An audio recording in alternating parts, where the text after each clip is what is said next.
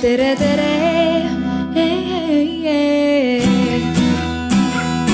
Eestimaa.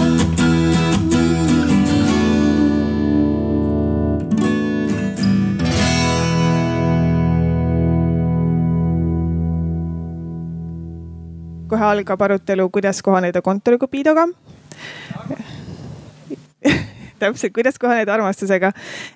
tere veel kord kõik head kuulajad, kes te olete siia tulnud. kui te siiski taipasite, et äkki olete sattunud valele arutelule, siis ma julgustaksin teid väga-väga jääma, sest et meil on küpsiseid. tänane arutelu on siis arvamuspiknikuks nimetatud ja see koosneb päris mitmest osast. alguses räägime meie hästi palju, siis räägite teie hästi palju ja siis räägime jälle meie hästi palju. aga minu nimi on Õnne Allaie ja ma olen Tartu Ülikooli eetikakeskuse kommunikatsioonijuht. ja Tartu Ülikooli eetikakeskus on läbi aastate korraldanud Arvamusfestivalil siis väärtuste teemalisi arutelusid ja see konkreetne kontori Cupido fookus on siis ka minu isiklik uurija huvi, mida ma saan siis täna välja elada arvamusfestivali tänavune kandev teema oli tulevik ja tulevikutöö mõistes tundus paslik eh, natukene ka siis kontori romantikast rääkida sest et see valdkond tegelikult on väga kompleksne, eh, väga mitmetahuline ja see puudutab ka organisatsiooni ja isiku väärtusi ning tõstatab ka soo, seksuaalsuse, võimu, õigluse ja turvalisuse temaatika. ja enne veel, kui ma tutvustan meie paneliste, ma räägin siis tänasest arutelu käigust meie tänase arutelu eesmärk oleks eeskätt välja selgitada see, et äh, millest me siis õigupoolest räägime. mis on kontoriromanss ja mida see kindlasti ei ole. kas ja kuidas peaks üldse sellega tegelema? millised on organisatsioonide head tavad ja millega üldse peaks siis arvestama? ja kindlasti ei ole meie eesmärk täna siin mingisuguseid jooni maha tõmmata vaid siis üheskoos teiega tegelikult aru saada seda, et äh, millest me räägime ja mis on siis need hea maitse piirid, kus siis, kus nagu läheb see noh, mõnes mõttes ikkagi nagu joon, aga mitte päris, et mis on siis nagu okei okay ja mis mitte. Ja naljaga pooleks ma tahaksin öelda ka seda, et meie arutelu on siis sellise väheke introvertsema inimese õudusunenägu, sest et ka teie, head kuulajad, saate hästi palju kaasa rääkida täna meiega arutelu koosneb kolmest osast, nagu ma juba lubasin, et esimeses osas tegeleme defineerimisega. teises osas siis äh, toimub see suurepärane arvamuspiknik koos meie ekspertidega. koondume väiksematesse gruppidesse, mille juhised ma annan siis natukene hiljem. ja kolmandas osas tuleme siis taas kokku ja mõtleme, et mida siis selle kontori Cupidoga õigupoolest peale hakata meie tänane arutelu salvestatakse ja see videosalvestus läheb üles Tartu Ülikooli eetikakeskuse eetika veebi, mis asub aadressil www.eetika.ee ja samamoodi Arvamusfestival salvestab siis selle arutelu heli.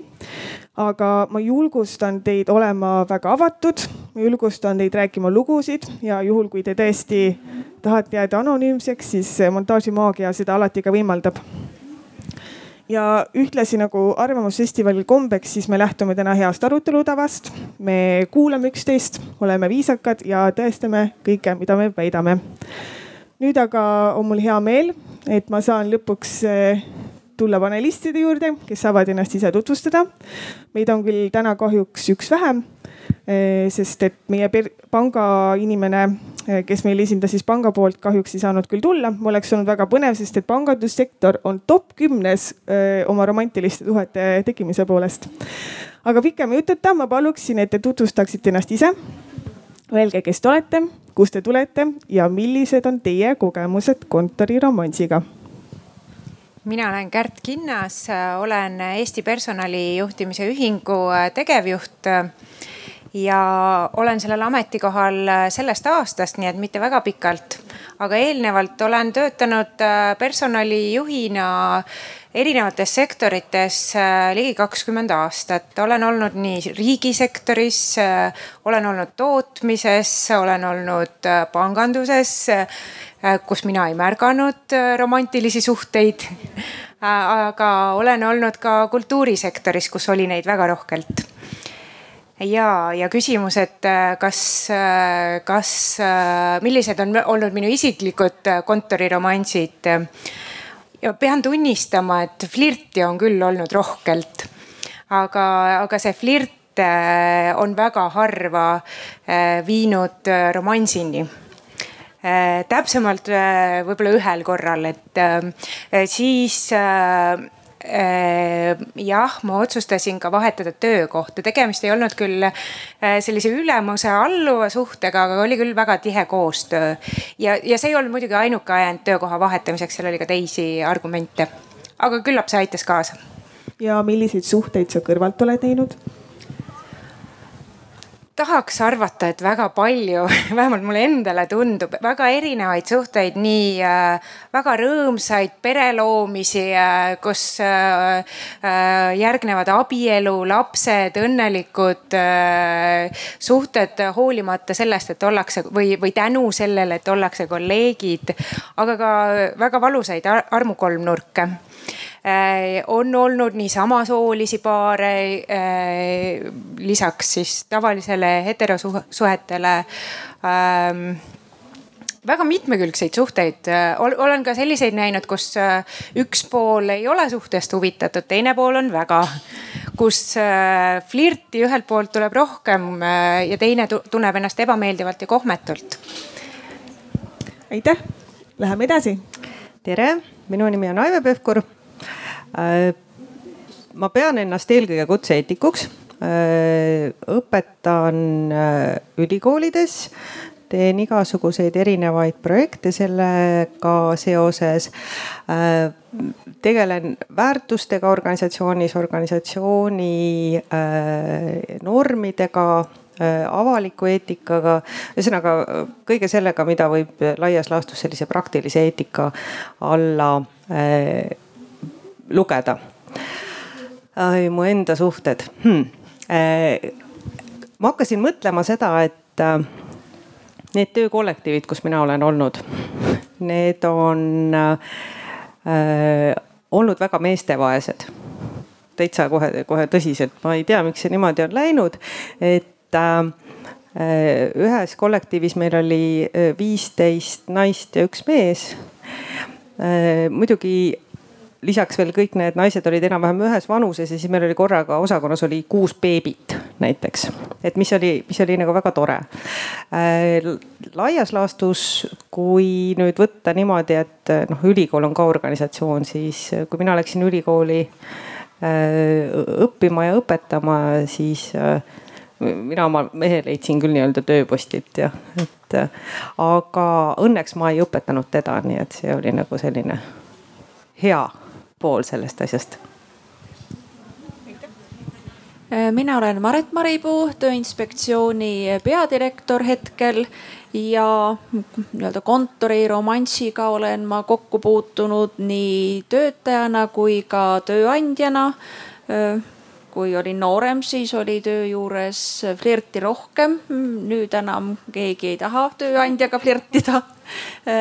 ja kui siin isiklikke suhte, suhte peale minna, siis Äh, siis äh, ma võin öelda, et ma leidsin oma abikaasa mm, tööpostil ehk et kunagi oli nõukogudel film Armastus tööpostil, no päris seda ei olnud. me ei olnud nii-öelda ülemuse alluvuse suhtes, me ei töötanud samas nii-öelda äh, ruumis, aga me nii-öelda töö kaudu saime tuttavaks ja ühe organisatsiooni sees ikkagi nii, et et, et nii me, nii me leidsime, aga, aga siis nii-öelda minu töökoha vahetus jõudis selleni, kui ma sain aru, et mugavam on ikkagi nii, kui sa oma, oma abikaasaga ühe, ühes kohas tööd ei tee mul on hea meel, et siin on nii teoreetikud kui praktikud koos.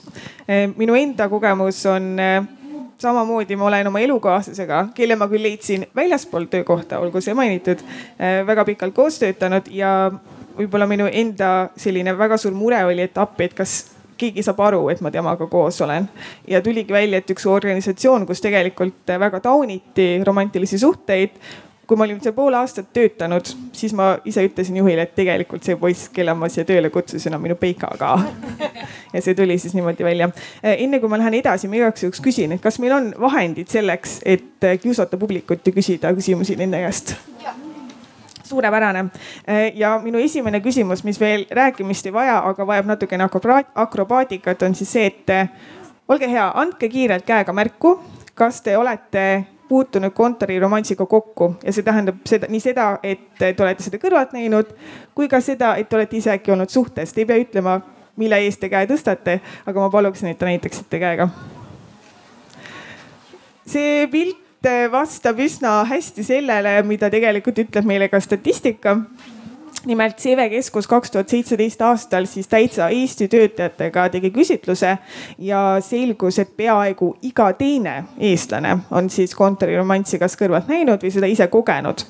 ja samamoodi osutab siis tööuuringute portaal vault.com et, et kaheksateist protsenti töökoha romanssidest tegelikult lõpeb lausa abieluga ja loomulikult on igasugused äh, suhted väga kerged tekkima kohas, kus inimesed on väga sarnase taustaga ja veedavad hästi palju aega koos.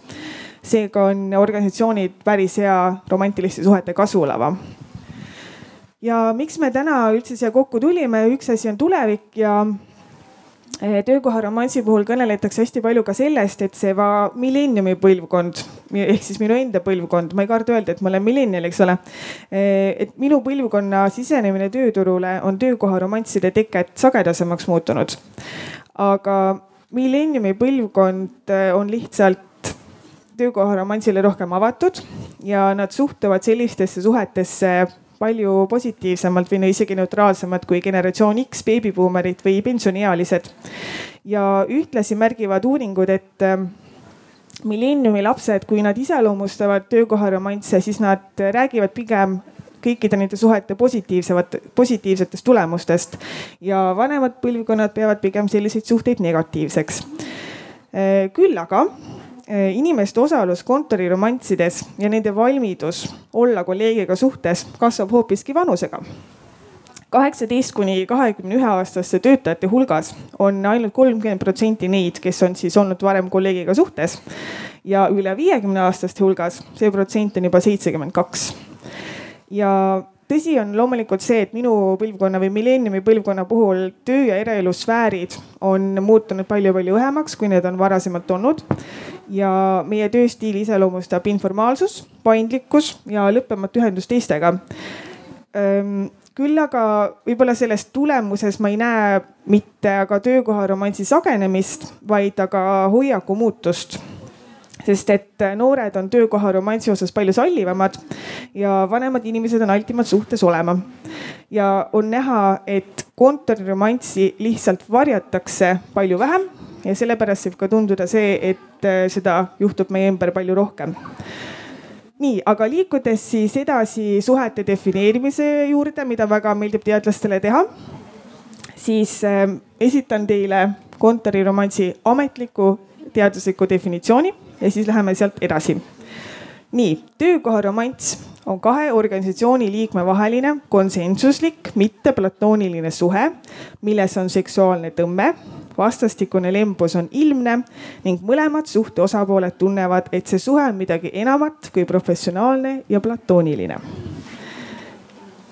ja mina nüüd küsingi teie käest, et äh, kas te nõustute selle definitsiooniga ja mida te lisaks? Ma arvan, et üldjoontes võib sellega küll äh, nõus olla ja peamine rõhk sellel definitsioonil võis olla, võiks olla ikkagi see mõlemapoolsus. mõlemad pooled soovivad seda, et ma arvan, et see on oluline. mida ma võib-olla lisaks äh, no mõnikord on see flirt nii pikaajaline, et, äh, et see suhe on küll mitte plato, äh, platooniline ja võtab aega, enne kui ta jõuab äh, kaugemale. aga ma juba peaksin seda kontoriromansiks, kas siis kõrvalt vaadates või siis ka juba ise selles osaledes no ma ei tea, see vaba tahe ilmselt on hästi oluline, et, et ilma selleta ta tõenäoliselt me kuidagi teistmoodi kirjeldame või vaatame seda, aga, aga mõlema poole tahe, mõlemal on, peab hea ole, olla olema, eks ole. Kui veel, veel rõhutada, et äh, ma arvan, et siin võib-olla vahet teha on see, et romanss on juba siis, kui on need suhted lähedasemad, et äh, selline väike flirt või, või meeldiv kompliment veel päris romansi alla ei lähe, et et, et see, aga, aga jah, et kui me räägime romansist, et siis on tõesti oluline see mõlema poole vaba tahe, et et mitte nii-öelda seda segi ajada ahistamisega, et tavaliselt kui romanss lõpeb, hakkavad siis need järgmised pooled, ahistamine või kiusamine tulema. Mida teie arvates see sõna konsensuslik tähendab kontoriromansi mõistes? ma tean, ma olen seda näinud äh, ka nii meedias äh, mitmel juhul, mitme juhtumi puhul siis ka nagu nii-öelda, nii-öelda nagu visatama, et oh, see oli konsensuslik suhe, aga mida see konsensus selle mõistes peaks tähendama? võib-olla ma alustan siin, et äh, konsensuse puhul on ju hästi oluline äh, ühest küljest see, mida inimene tunneb, aga teisest küljest ka see, mis välja paistab. ja nüüd äh, ma täiesti kujutan ette, et võivad olla sellised olukorrad, kus äh, paistab välja nagu oleks konsensus, aga üks pool tunneb mis iganes põhjustel siis, et ta teatud põhjustel noh, peab selles suhtes olema kas siis, äh, et äh, säilitada töökoht või äh, liikuda karjääris edasi või siis luua paremaid, soodsamaid tingimusi, mis iganes, mis iganes. et mõeldes kogu selle teema peale tundubki, et siin on nagu hästi palju on selliseid halle alasid, mis noh, ta ei ole ei täppisteadus ega matemaatika on ju, et ma ei saa nagu väga selgelt neid piire tõmmata.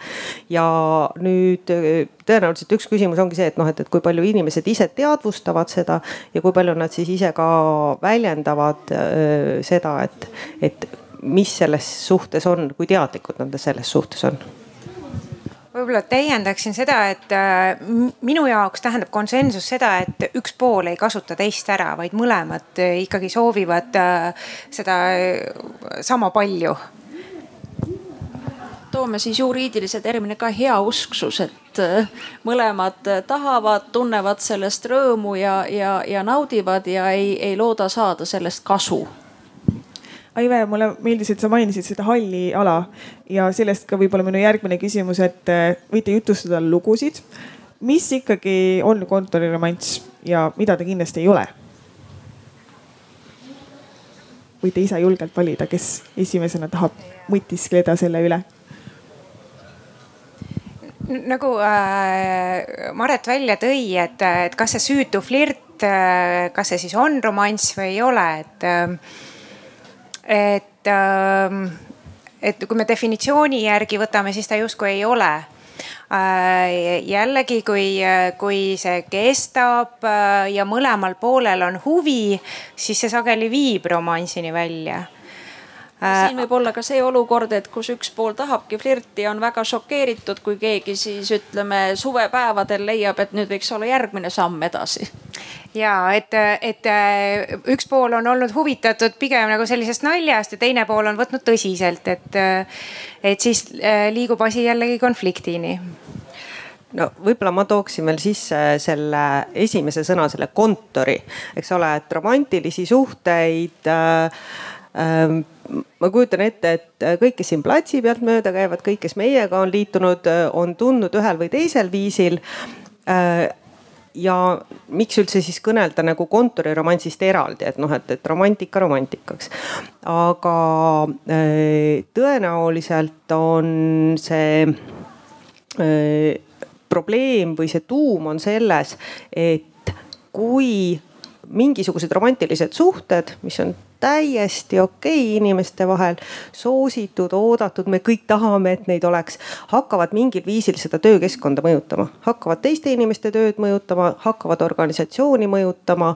Ja vot siis tekib nagu see vajadus hakata nagu täpsemalt mõtlema, et, et ohoo, et nüüd mis, mis suhted siis nende inimeste vahel on ja kuidas me sellest teised seda näeme või, või, või vaatame või äkki peaksime käe ette panema, issand jumal ja tegelikult Aive just tõigi välja selle, et niikaua kui äh, millal hakatakse pöörama kontoriromansile tähelepanu, kui see hakkab silma torkama või kui see hakkab äh, tööd takistama, ehk et äh, sa märkad, et su kaks kolleegi lähevad lõunale. tavaliselt said kolmekümne, kahekümne minutiga hakkama, nüüd läheb tund, varsti juba poolteist tundi kaks tundi ükskord nii-öelda no ei hakka küll, ei pööra tähelepanu, teed tema eest töö ära, aga kui see hakkab korduma ja et keegi teine peab nüüd sellepärast, et kaks inimest käivad pikalt lõunal tööd ära tegema või kui selle asemel, et jälle tööülesannet täita, lobisetakse omavahel et need on nüüd need negatiivsemad asjad. aga vahest aitab kontoriromanss kaasa sellele, kus ütleme muidu sellise keskpärase sooritusega inimene hakkab väga hästi tööd tegema, siis on nagu ütleme tööandja rõõm, kus jõutakse enneaegselt tööle töö lendab kätes, muidu oli kogu aeg mossis, aga nüüd naeratab, on lahke. no siis see on justkui ju midagi väga positiivset, nii et me ei saa ütelda, et see romanss on nüüd, me paneme šablooni ette, et kas ta mahub sinna sisse. kas me peame ütlema, et ta on midagi väga halba või et me peaksime nüüd soos, soodustama seda kõvasti. ehk et ütleme, see on, on inim-, kus on inimesed, kus on inimgrupid, tahes-tahtmata hakkavad tekkima äh, inimesed, kes saavad paremini läbi, kus võib tekkida seda suuremat sümpaatiat. aga seal võivad tulla ka täiendavad probleemid, seda enam enam, kui ütleme, on naiskollektiiv, on üks mees, algus flirtis kõigega ja siis valis ühe välja. see on iga tööandja õudusunelm sest kuidas sa siis seda probleemi ära lahendad, eks ju, kui on tasakaal enam-vähem okei okay,, siis sellist pinget ei tule, aga kui on just nii-öelda üks või, või kaks ja siis, kui toimub nii-öelda see romanss, kus enam ei ole flirti kõikidega võrdselt, nii et kõik tunnevad ennast kaasatud ja tähelepanu all olevat, vaid kui siis nii-öelda keegi tõstetakse kõrgemale, vot siis läheb asi käest ära. aga mis on see retsept, see on keeruline küsimus on ju ka selles, et kas see üks mees seal seltskonnas on juht ja teised tema alluvad näiteks, et äh, see, see ka tekitab erinevaid äh, situatsioone. kas see on, kas see võib liikuda äh, romansist lõpuks ahistamiseni? no vot, aga siin ütleme, me küll mõtleme või noh, oleme harjunud sellega, et kui on nii-öelda ülema, ülema-alluva vaheline suhe, et siis justkui ülemus on see, kes, kes on nagu jõupositsioonil ja ära kasutab, aga on ka teistsuguseid olukordi kus on küll juht, aga, aga tema on siiralt armunud ja, ja, ja teine pool kasutab ära, aga on ka selliseid positiivseid näiteid, kus ma just ühes välismaa uuringus lugesin, kus ka see ei ole alati taunitav, sest et kui tekib alluva ja ülema vahel suhe, siis on alluv suutnud nii-öelda siis juhti panna mõistma, et töötingimusi on vaja parandada või midagi juurde tuua sinna keskkonda, nii et äh, kontoriromanss on nii erinevate värvidega, nii eripalgeline, et siin ei saa öelda, et alati ühte ja teistmoodi, aga loomulikult ütleme, juhil on seda jõupositsiooni rohkem, aga vahest on ka juht ohver ma eh, personalijuhina hästi nõustun, et eh, kontoriromanssidel on nii positiivseid kui negatiivseid eh, tagajärgi.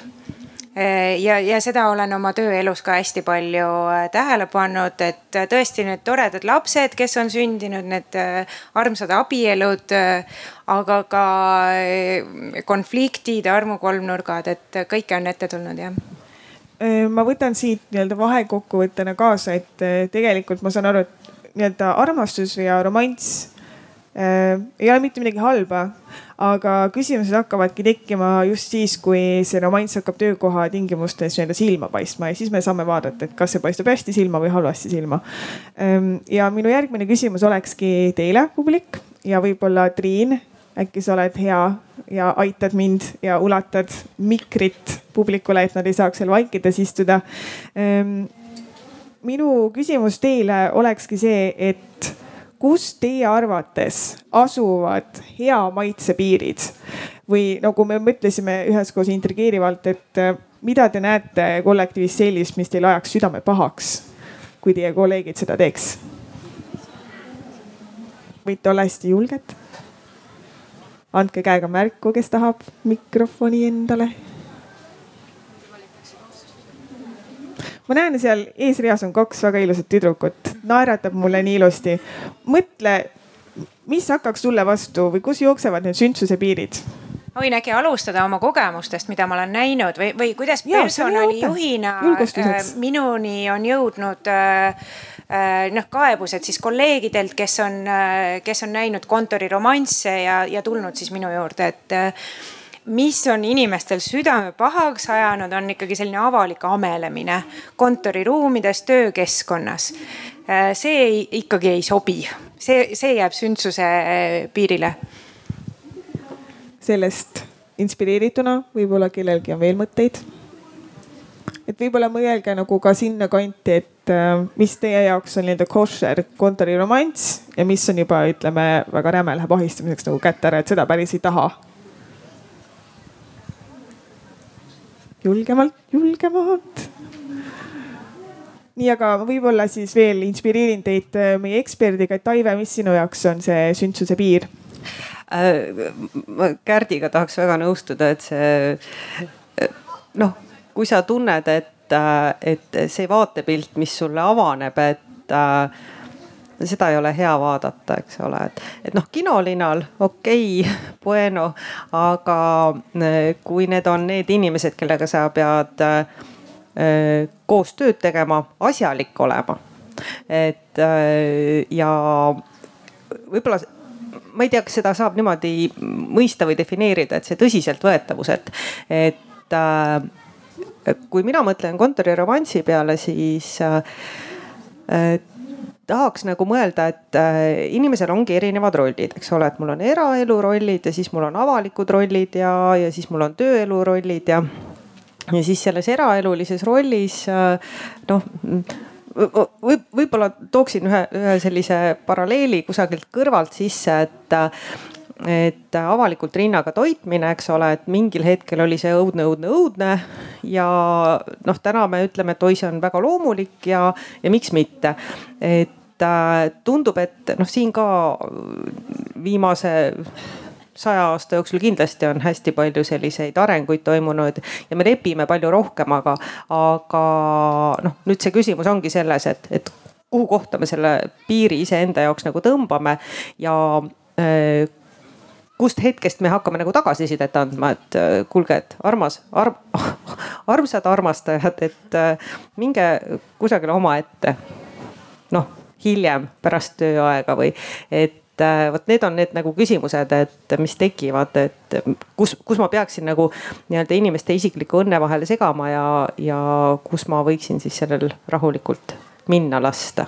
nagu öeldakse, et võtke tuba, eks nojah, et kui, kui, kui sa ikka tahad, kirjutad eh, kas eelnõu või, või kohtukaitsekõnet või mis iganes ja kõrval amuseeritakse, ega sa ei saa ju väga hästi süveneda ja, ja, ja see ikkagi häirib, et noh, ütleme, et kui on, on suur armastus ja siis üks pool toob teisele tassi kohvi ja annab põsemusi, ma arvan, et see pole midagi hullu, aga kui siis ütleme, see musi venib ja venib ja venib, eks ju, minutid lähevad, hakkavad saabuma tunnid, siis juba on vast palju, nii et jälle selline tunnetuse küsimus, et, et sa ei tohi sellega teisi segada ja noh, mitte nii, et nüüd mina pean töö pooleli jätma ja ootama, millal nemad siis omadega ühele poole saavad, eks ju, et võin oma kontorisse tagasi minna oma töötuppa et äh, mul, mul nagu üks äh, mõte tuli veel, et äh, ilmselt see sõltub ka mm, noh, nii-öelda valdkonnast. et kui selline asi toimuks noh, ma ei tea, politsei-piirivalveameti passilauas. noh, ilmselt on need, seal võtaks nagu kogu seda teemat nagu karmimalt, karmimalt jah, et, et kulm kerkiks palju kiiremini, eks ole.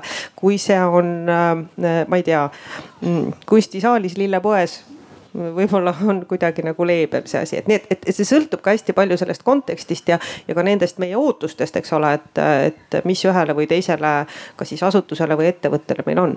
No ja see sõltub ka väga palju just selle asutuse väärtustest või et see, mida sa ootad, et need inimesed niimoodi käituksid, eks, et ma arvan, et selline amuseeriv kirikuõpetaja ei tekita sellist äh, suurt usaldust või ta laaris kohtunikeks äh, enne, enne kohtusaali minnes, et, et need on nagu need, et mis nagu sobib, et või ikkagi kui sul on mingi amet, siis sa eeldad, et sa, et see inimene käitub selliselt. Või võtame õpetaja, et noh mina olen oma koolipõlves elanud üle selles, kus meie naiskollektiivi saabus üks väga tore, väga hea väljanägemisega meesõpetaja ja see tekitas sellise kaose koolis. Ja, ja seda ei olnud, ütleme alguses oli meil õpilastena väga naljakas, eks, et aga, aga lõpuks hakkas see häirima või noh, selles mõttes, et see ei, ei olnud enam, sa ei saanud nagu enam õpetajaid nii tõsiselt võtta, et sa tahad neil ikkagi vaadata alt üles, aga nüüd vaatad, et noh, kuidagi nagu midagi on jamasti, et, et sa ikkagi pead sa valima aega ja kohta, kus mingi asi sobib. no vot niimoodi hakkab, need lood hakkavad arenema siis tulevad igasugused asjad meelde, et, et Äh, võib-olla üks märksõna on veel selline kahju tegemine. ja mulle meenus oma kooli ajast, meil juhtus nimelt niimoodi, et äh, meie noor klassijuhataja võitis selle südame ja siis äh, mõned teised õpetajad, kes olid ka pretendendid, need valasid oma viha meie klassi peale ja vot siin nüüd on see, see professionaalsuse küsimus, eks ole, et, et isiklikud rollid, sinu isiklikud suhted, aga milles meie klassina süüdi olime? No selge on see, et äh, töökoha romanss toob endaga kaasa nii ühte kui teist. et äh, kui vaadata positiivsemat poolt, et siis töökoha romansid lausa põhjustavad paremat töösooritust, suurendavad motivatsiooni, innukust ja lojaalsust organisatsioonile. inimesed on sageli oma tööga rohkem rahul ja kollektiivid on solidaarsemad ja see vähendab ka pingeid küll aga kontoriromansid võivad põhjustada ka väiksemat produktiivsust kollektiivi pahameelt, vaenu ja küünilisust. kindlasti on siin küsimus ka huvide konfliktist ja erapoolikust otsustamisest. kollektiivis võib olla ebamugav ja loomulikult on siin veel ka klatš, favoritism ja seksuaalne ahistamine, milleni me varsti, mida me natukene varsti ka puudutame ja kommunikatsiooniteekond võib siis kujuneda ka samamoodi ümber, ehk siis noh, maakeeli öeldes, et kui inimesed on suhtes, siis võib juhtuda see, et mõni inimene hakkab teadma asju, mida tegelikult teadma ei peaks. küll aga kuida-, kui palju üldse personalijuhtide ettevalmistuses pööratakse kontoriromansile tähelepanu, Kärt? ma tahtsin tegelikult lisada selle eelmise küsimuse juurde, et äh, nüüd, kui sa tõid need positiivsed, negatiivsed küljed välja, siis mul tuli veel meelde, millega on minu juurde personalijuhina pöördutud, mis vastab ka sellele küsimusele, mis sa nüüd küsisid, et, et üks on sellised seksuaalsed alatooniga märkused või, või kommentaarid. selle kohta on tulnud kaebusi, mis jääb ka siis jälle sinna sündsuse piirile. ja, ja teisalt, teisalt siis sellised noh ütleme jällegi ülemuse äh, poolsed äh, suhted, eks ju, äh, kus, kus siis eelistatakse ühte teisele, eks. Aga mis on personalijuhi laual, noh ikka jälle pean ütlema, et on nii rõõmsaid kui, kui negatiivseid asju, et muidugi suhted töökohal on tegelikult hästi loomulikud, et inimene ju veedab äh, Äh, veedab tööl äh, väga kaua aega, vahest rohkemgi kui kodus või, või, või puhkehetkel, et äh, me oleme väga palju koos, see on, see on, see on nii loomulik, et meil tekivad sümpaatiad. Aga veel just nagu see ettevalmistuse pool ka, et mulle nagu näib, et kontoriromansist on hakatud rääkima üsna hiljuti tegelikult ja ma tean, Parel oli hästi tore kaasamislabor ka töökoharomansi teemal, et kui palju te juba praegu näiteks valmistate personalijuhte ette selleks, et äh, töökoharomansiga rinda pista? Äh, ma pean ütlema, et sellist ettevalmistust, ettevalmistavat kursust sellel teemal ju tegelikult ei ole ja personalijuhid on äh, on kasvanud või, või nende ettevalmistus on kas juriidiline haridus sageli või on see psühholoogiaalane haridus või ka personali juhtimisalane õpe aga ma ei tea, et oleks üheski äh, koolis või pakutakse eraldi kursust, kuidas just äh, kontoriromanssidega toime tulla. küll aga see on põimitud, ma arvan, nii juriidilise poole pealt kaasustesse, psühholoogia õppes, suhtlemisoskuste, konfliktide lahendamise õppesse ja ka personalijuhtimise õppes kindlasti käib see kasvõi eetikakursusel läbi ja ma just mõtlesin, et ma ütlen paar sõna, et äh, kuna Tehnikaülikooli personalitöö ja arenduse õppekava sees on personalitöö eetika ja väärtuste teema või kursus, et äh, siis äh, noh, ma võib-olla arvan, et Äh, see ei peaks eraldi kursus olema. aga see koht, kus see paratamatult tuleb nii-öelda personalitöötaja lauale, on organisatsiooni väärtused, äh, personalitöö väärtused, võrdne kohtlemine, õiglus, äh, mittediskrimineerimine ja kuna need teemad jooksevad noh, kogu sellest õppekavast läbi ja ka sellest ainest läbi, siis noh paratamatult Äh, mõeldes sellele, et noh, mis on see ideaalseisund, sa üksiti siis äh, loodetavasti noh, saad hakkama ka nende olukordadega, kus äh, see väärt nii-öelda noh, koleda sõnaga väärtusriive või, või mingisuguste väärtuste kahjustamine leiab aset noh, siis konkreetselt kontoriromansside tõttu aga ma, ma arvan, et organisatsioonid tegelevad sellega ikkagi ennekõike siis, kui on äh, probleem, kui on konflikt üleval.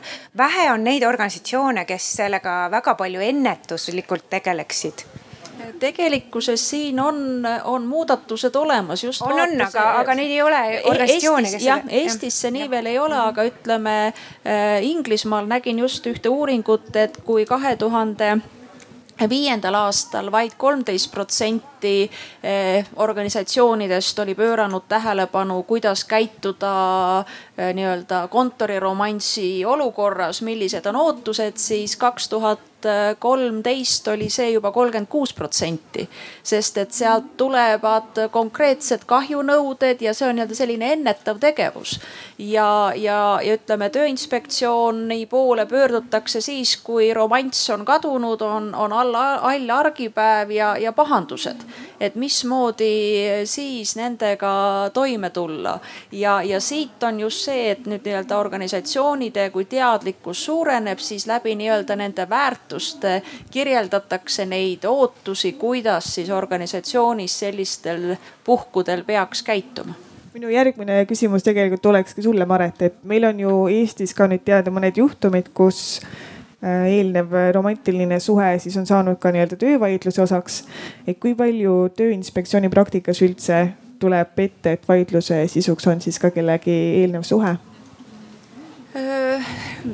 Meile ütleme niimoodi meile jõutakse ikkagi siis, kui on töösuhe lõpetatud, mingisugused nii-öelda nõuded ja, ja see, mis on viimasel ajal no ütleme nagu, no ütleme trendikas, tuleks siis igaks, iga palga ja muu nõude puhul kirjutatakse igaks juhuks sisse ka diskrimineerimine ja, ja siis tu, nii-öelda püütakse seda, seda avada, aga kui me jõuame lõpplahendusteni, siis tavaliselt need, need nõuded kukuvad ära, nii et meil ei ole siin selliseid praktikaid, et, et öelda üks kaasus, mis siin nüüd Eestimaad on, on raputanud, siis tegemist oli kinnise kaasusega ja ma ei oska kommenteerida, kuidas seal ja noh, ma ei saa lähtuvalt sellele, kuna oli kinnine istung, mismoodi seal siis ühte või teistmoodi oli, oli põhistatud neid teemasid. aga muidu on, on ikkagi väga-väga harvad veel need korrad, kui meie poole pöördutakse.